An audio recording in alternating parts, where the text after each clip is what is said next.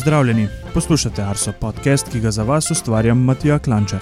V današnji 87. epizodi se bomo v srednji temi pogovarjali o podzemni vodi, ki za približno 97 odstotkov prebivalcev v Sloveniji predstavlja glavni vir pitne vode. Še vedno se lahko na naš podcast naročite. Poiščete nas lahko v vaši najljubši podcast aplikaciji ali na Spotifyju.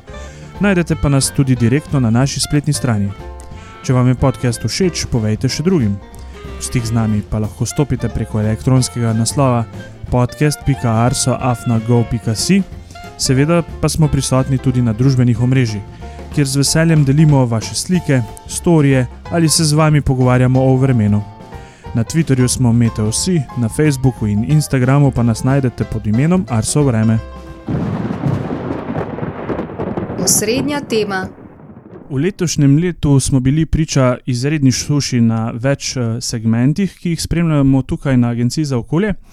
In eh, če pogledamo trenutno stanje našega spletnega urodja Sušomer, opazimo, da na področju podzemne vode um, še kar na nek način iz semaforja um, ustraja ta rdeča barva. Zato sem danes v svojo družbo povabil hidrologinjo dr. Ruško Pavlič, uh, s katero bomo danes malce bolj nasplošno pogledali, kaj sploh podzemna voda je.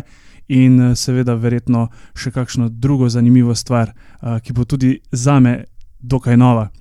Tako da, ja, lepo zdrav, Urška. Živijo. Ponavadi pri takšnih splošnih temah vedno dam prvo vprašanje, takšno bolj splošno ali pa šolsko vprašanje, kaj podzemna voda sploh je. Ja, podzemna voda je voda pod zemljenim površjem. Uh, je pa še ena dodatna stvar, ki je tukaj pomembna, to je voda v zasičenem delu vodonosnika. Torej, uh, v vodonosniku, ki je neka geološka plast, ki vsebuje neke pore, se formira gladina podzemne vode, in podzemna voda je v bistvu tisti del vode, ki je pod to gladino. Um, mogoče sam še to, uh, podzemna voda je glavni vir pitne vode v Sloveniji, kar 97 odstotkov prebivalcev Slovenije se uh, uh, oskrbuje s pitno vodo iz podzemne vode. Zdaj pa, če se jaz ne motim, kako sem se pripravljal na tale pogovor, imamo dvoje vrst, recimo, um, vodonosnikov, sploh pri nas v Sloveniji. Uh, torej, imamo kraške, aluvialne, kaj pa je zdaj razlika med njima? Ja, razlika je v bistvu v uh, vrsti oziroma obliki ali nastanku por, to so te prazni. Prazni prostorčki, po katerih se voda uh, lahko pretaka, se pravi, so povezani med sabo. Um, kraški vodonosniki se razvijajo v kraških kamninah, v, uh, pri nas pretežno v karbonatih. Um, nastajajo z, uh, pore, kraške uh, nastajajo z uh, topljenjem tega apnenca oziroma dolomita. Um, in nastanejo v tej kamnini nekako um, večji in manjši kanali in pa razpoke, in po teh se potem lahko voda pretaka. Uh, aluvialni vodonosniki so pa v bistvu uh, en uh, del medzrnskih vodonosnikov, kjer se voda pretaka med posameznimi porami, uh, med posameznimi zrni. Uh, pri nas gre to večinoma za uh, neke nanose rek, uh, ki so jih odložile pač v določenih kotanjah in so tam ostali, in tam se zdaj zadržuje podzemna voda. Ali je v splošnem še kakšen tip tal oziroma vodonosnikov? Uh, ta dva sta glavna, glavna tipa um, vodonosnikov pri nas, na splošno. No? Um, obstaja pa še razpoklinski tip vodonosnikov, kjer se pač ti večji kanali ne morejo formirati, tako kot recimo v, v Apnencu. Uh, ampak uh, se podzemna voda nahaja v manjših razpokah v kamninih. Kakšno tako področje, kjer so pa takšni vodonosniki tipični? V bistvu gre pri krasu za mešan tip poroznosti. Mi govorimo, da gre za kraško-razpoklinski tip, se pravi, nastopajo v teh kamninah oboje, uh, obe vrsti uh, por. Um, se pravi, kjer je kjer, kjer eh, mogoče kras še ni dovolj razvit, so samo uh, razpoke, oziroma v kakšnih prelomih nastanejo razpoke, um, medtem ko, ko um, se te kraške kaverne razvijajo, mogoče više v kamnini. Kako pa sploh poteka, zdaj si lepo povedala, pore, pa da pronica voda. Kako sploh pride voda v potalnico? Uh, glavni vir vode, uh, podzemne vode, je, so padavine. Um, se pravi dež in pa sneg, ki pa pronicajo skozi tla do nekako do te zasičene cone vodonosnika. Um, ta tok je večinoma um, vertikalen, ko pa dospe voda do, um, do gladine podzemne vode, pa se potem naprej pretaka večinoma v horizontalni smeri in sicer gravitacijsko. Um, vir vode je lahko posreden, tudi se pravi, veli, uh, zelo pogosto um, vodonosnike v Sloveniji, predvsem medzrnske, napajajo tudi vodotoki, ki so v stiku z um, neko podzemno vodo, v hidrauličnem stiku. Ta, ta stik je lahko uh, v obe smeri, ali vodonosnik se drenira v vodotok, ali, ali vodotok napaja vodonosnik, ali pa gre za obe um, vrsti teh uh, povezav, ki sta odvisni od tega, kakšno hidrološko stanje imamo trenutno. Mogoče potem eno takšno pod vprašanje, glede na to, da imamo tri glavski ledenik, ki se tali, kam odteka ta voda, mogoče lahko potem to ne vem, nekako zmerite, mogoče na podzemni vodi. Uh, ja, uh, mislim, da v letu 21, uh, 2021 je bil narejen tako imenovan sledilni poskus. Nismo ga sicer delali na agenciji, ampak so jih izvajali na Inštitutu za Kras um, v sodelovanju da, z uh, ljubljanskimi mlekarnami. Uh, to poteka tako, da se pač uh, na inicirno mesto, ki je tukaj uh, ledenik, triglavski ledenik, se inicira uh, neko fluorescentno sledilo, potem pa se um, na nekih istok, iz, predvidenih istokih postavi neka vzorčevalna mesta in se spremlja, ali bo to sledilo se na teh uh, mestih pojavilo.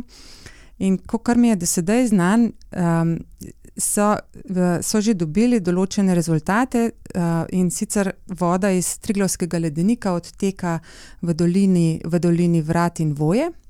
Ampak sledilni poskus še ni končan, tako da spremljajo naprej. Ja, zelo zanimivo. Um, morda neka taka povezana vsebina. Um, omenila si tudi sneg in pa teljenje snega, po, sploh spomladi iz Visokogorja, kje se pa v bistvu um, se ta dotok staljenega snega pozna v podzemni vodi in je pomemben? Ja, sigurno je pomemben. Um, Nekako merimo ga že s samim dvigom izdatnosti, recimo kraških izvirov, ali pa um, tudi mogoče uh, gladin podzemne vode, aluvialnih vodonosnikov na območju, ki so v stiku s kakšno reko, ki se um, načeloma ima bolj snežni režim. Um, Uh, sigurno se pa pozna uh, tudi to prek uh, parametrov, če, če spremljamo um, hidrološko stanje na neposrednji točki izvira, se to pozna tudi tako, da merimo tam uh, zniževanje temperature vode in pa specifične električne prevodnosti vode. Um, zdaj pa čisto na neko drugo področje, v luči teh tudi uh, zadnjih uh, obilnih deževij, ki smo jih bili priča smo tudi opazili, drugač, da zdaj se pa spet končno polnijo kraška polja. Zakaj se to sploh tako hitro napolnijo? Ja, kraška polja so v bistvu velike kraške kotanje z uravnanim dnom in značilnost kraških polj je, da imajo kraški odtok vode. Se pravi, voda hitro uh, se nateče v ta polja, uh, odteče pa ne tako zlahka, ne? zato ker je v bistvu ta požiralna sposobnost kraških polj pogosto omejena. Uh, včasih pa tudi uh, je vodonosnik, v katerega pač ta voda izteka, že dovolj zasičen z vodo, in pač uh, vodonosnik potrebuje določen čas, da to vodo nekako, če lahko rečem, prebavi. Kako pa drugače sploh izmerite podzemno vodo? Na kakšen način to poteka, če lahko malce uh, razložiš? Uh, količino vode v vodonosniku generalno merimo s tlačnimi sondami. V medzrnskih vodonosnikih količino merimo uh, posredno preko višine gladine podzemne vode v metrih nadmorske višine, uh, medtem ko količine kraških vodonosnikov merimo v bližini kraških izvirov, ki predstavljajo pa koncentrirani stok podzemne vode iz vodonosnika. Uh, te meritve so pa v bistvu identične meritvam na površinskih vodah. Um, osnovni parameter mer merjenja pa je pretok vode v kubičnih metrih oziroma v litrih na sekundo še mogoče po, pogostost merjenja gladin. Gladine podzemne vode ne nihajo tako zelo uh, dinamično kot mogoče površinske vode, zato, zato je tudi frekvenca merjenja mal uh, manjša. Gladino podzemne vode se meri enkrat na uro, medtem ko se uh, površinske vode in pa vode na območju uh, izvirov meri na vsakih 10 minut. Zdaj, veliko smo se že pogovarjali, oziroma si že omenila, da merimo, zdaj pa glede na to, da Arso razpolaga tudi z merilno mrežo, me zanima, kako velika je sploh ta mreža. Uh, to je mogoče prvo, pa potem pod vprašanje, ali nam takšno število um, merilnih mest sploh zadostuje. Ja, merilna mreža uh, za, za, za merjanje gladin podzemne vode na agenciji mislim, da je kar dobra. Uh, gladino podzemne vode spremljamo na preko 150 merilnih mestih. Um, v večjih aluvialnih vodonosnikih po državi. Večina postaj je opremljena z samodejnim prenosom podatkov, se pravi, da lahko izmere iz terena, kmalo v bistvu dobimo v pisarno in jih analiziramo. Tako da za oceno količinskega stanja, pa poleg, kot sem že omenila, poleg samih gladin, uporabljamo nekatere pretoke izvirov in pa vodotokov, pri tem si pa pomagamo z približno 30 merilnimi postajami po državi.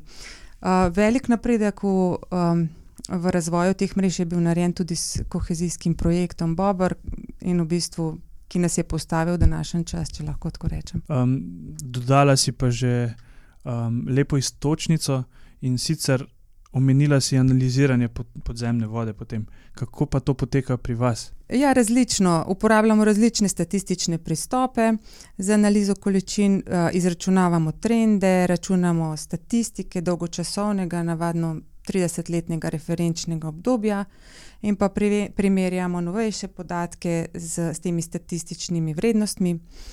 Um, med drugim pa uporabljamo tudi modelske pristope. Na, na agenciji uporabljamo uh, vodno-bilančni model MGROVA, ki količino padavin uh, razdeli na različne elemente vodnega kroga, naprimer na izhlapevanje, površinski otok, vlago v tleh, podzemni otok. Uh, poleg tega pa za medzarnske vodonosnike uporabljamo tudi numerične modele, To so orodja za simulacijo toka podzemne vode, prenosa onesnaževal in toplote v teh poroznih medzrnskih medijih.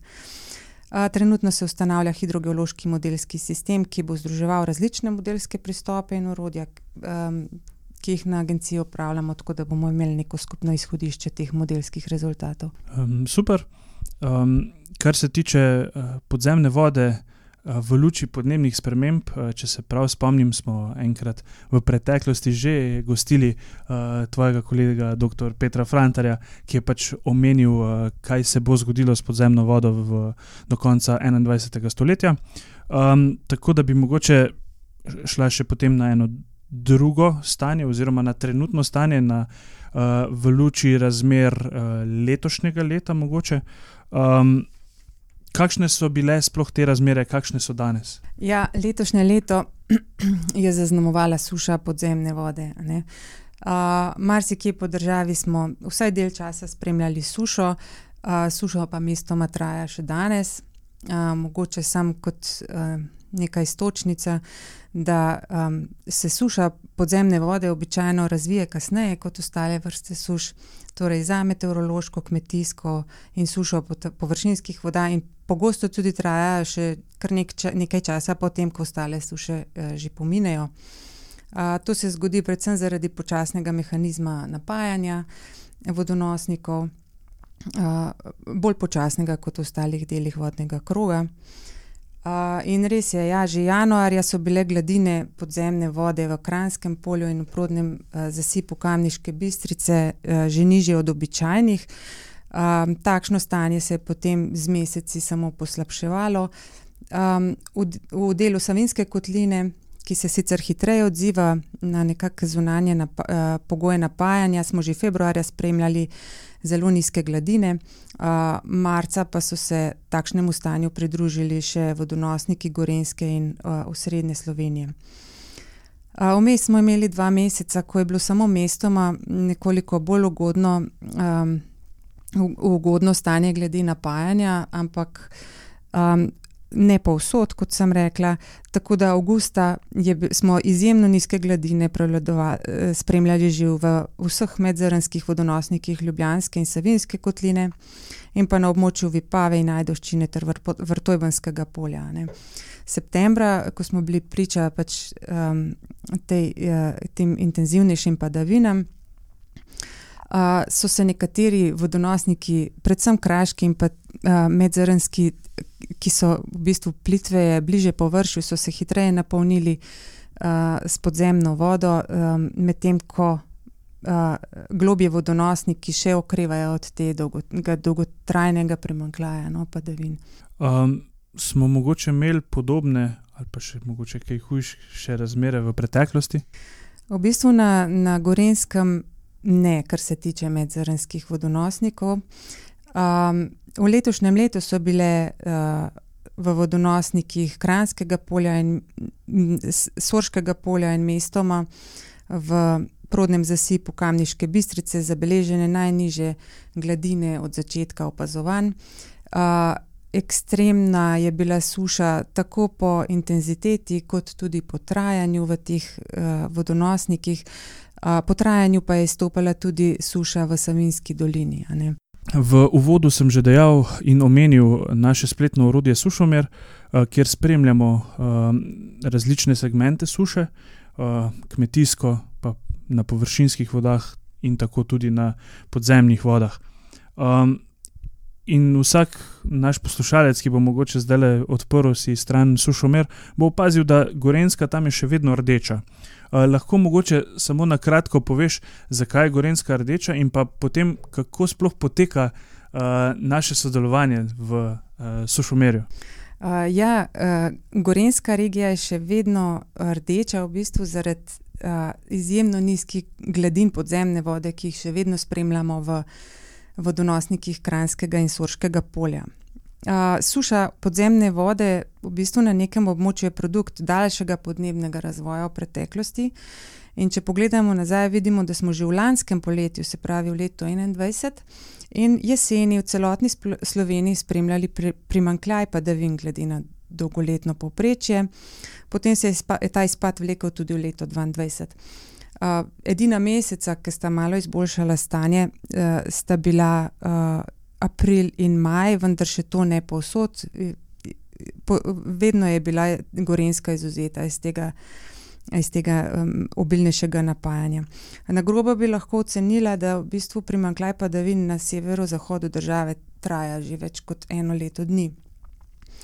Um, ta dva vodonosnika, ki sem jih omenila, se pravi Kransko in Sorško polje, pa po svojih dimenzijah sodita v globje medzrnske vodonosnike.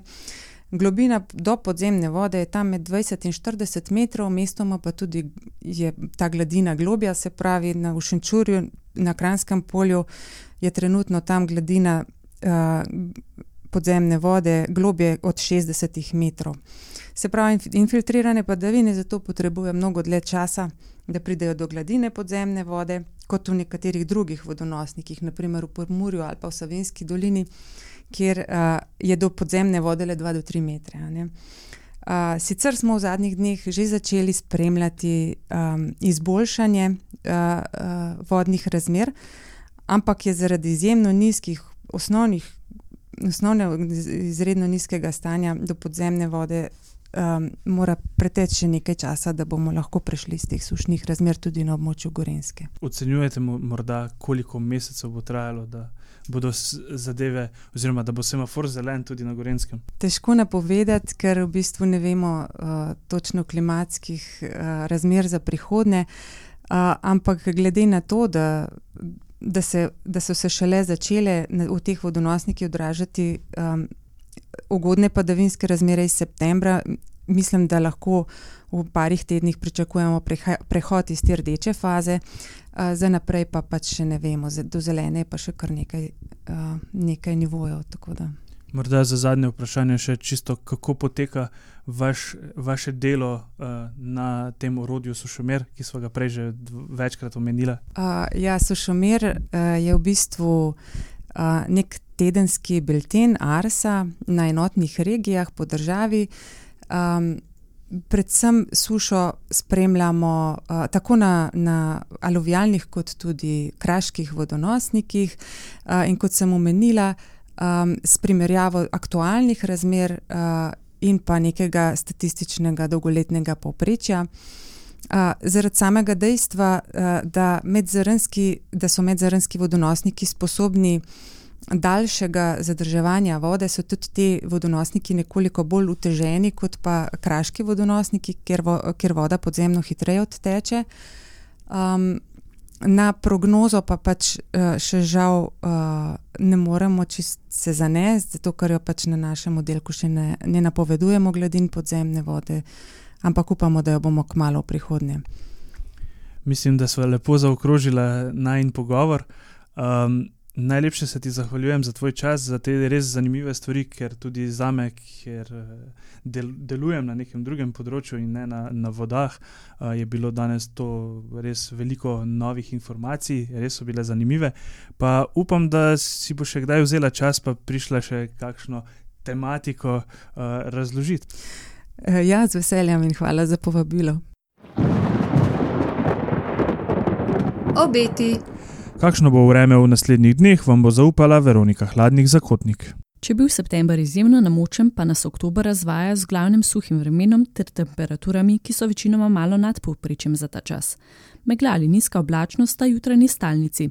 Tudi v prihodnjih dneh večjih sprememb vremena ne pričakujemo. Večji del Evrope bo pod vplivom obsežnega območja visokega zračnega tlaka. Nadaljevalo se bo suho vreme, največ sonca pa bo na primorskem. Ostalo bo precej toplo za ta čas. Jutranje temperature bodo okoli 10, najviše dnevne pa okoli 20 stopinj. Vremenske zanimivosti. Mesec september si bomo zapomnili po izjemni količini padavin. Na postajah Osilnica in Zadlog je padlo v enem mesecu skoraj 800 mm padavin.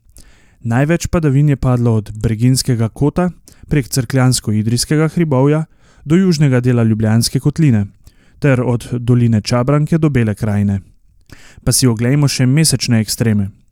September je postregel z nekaj vročimi dnevi. Najviše se je temperatura povzpela na postaji Dobliče pri Črnomlju, ko je bilo 6. septembra 32 stopinj Celzija.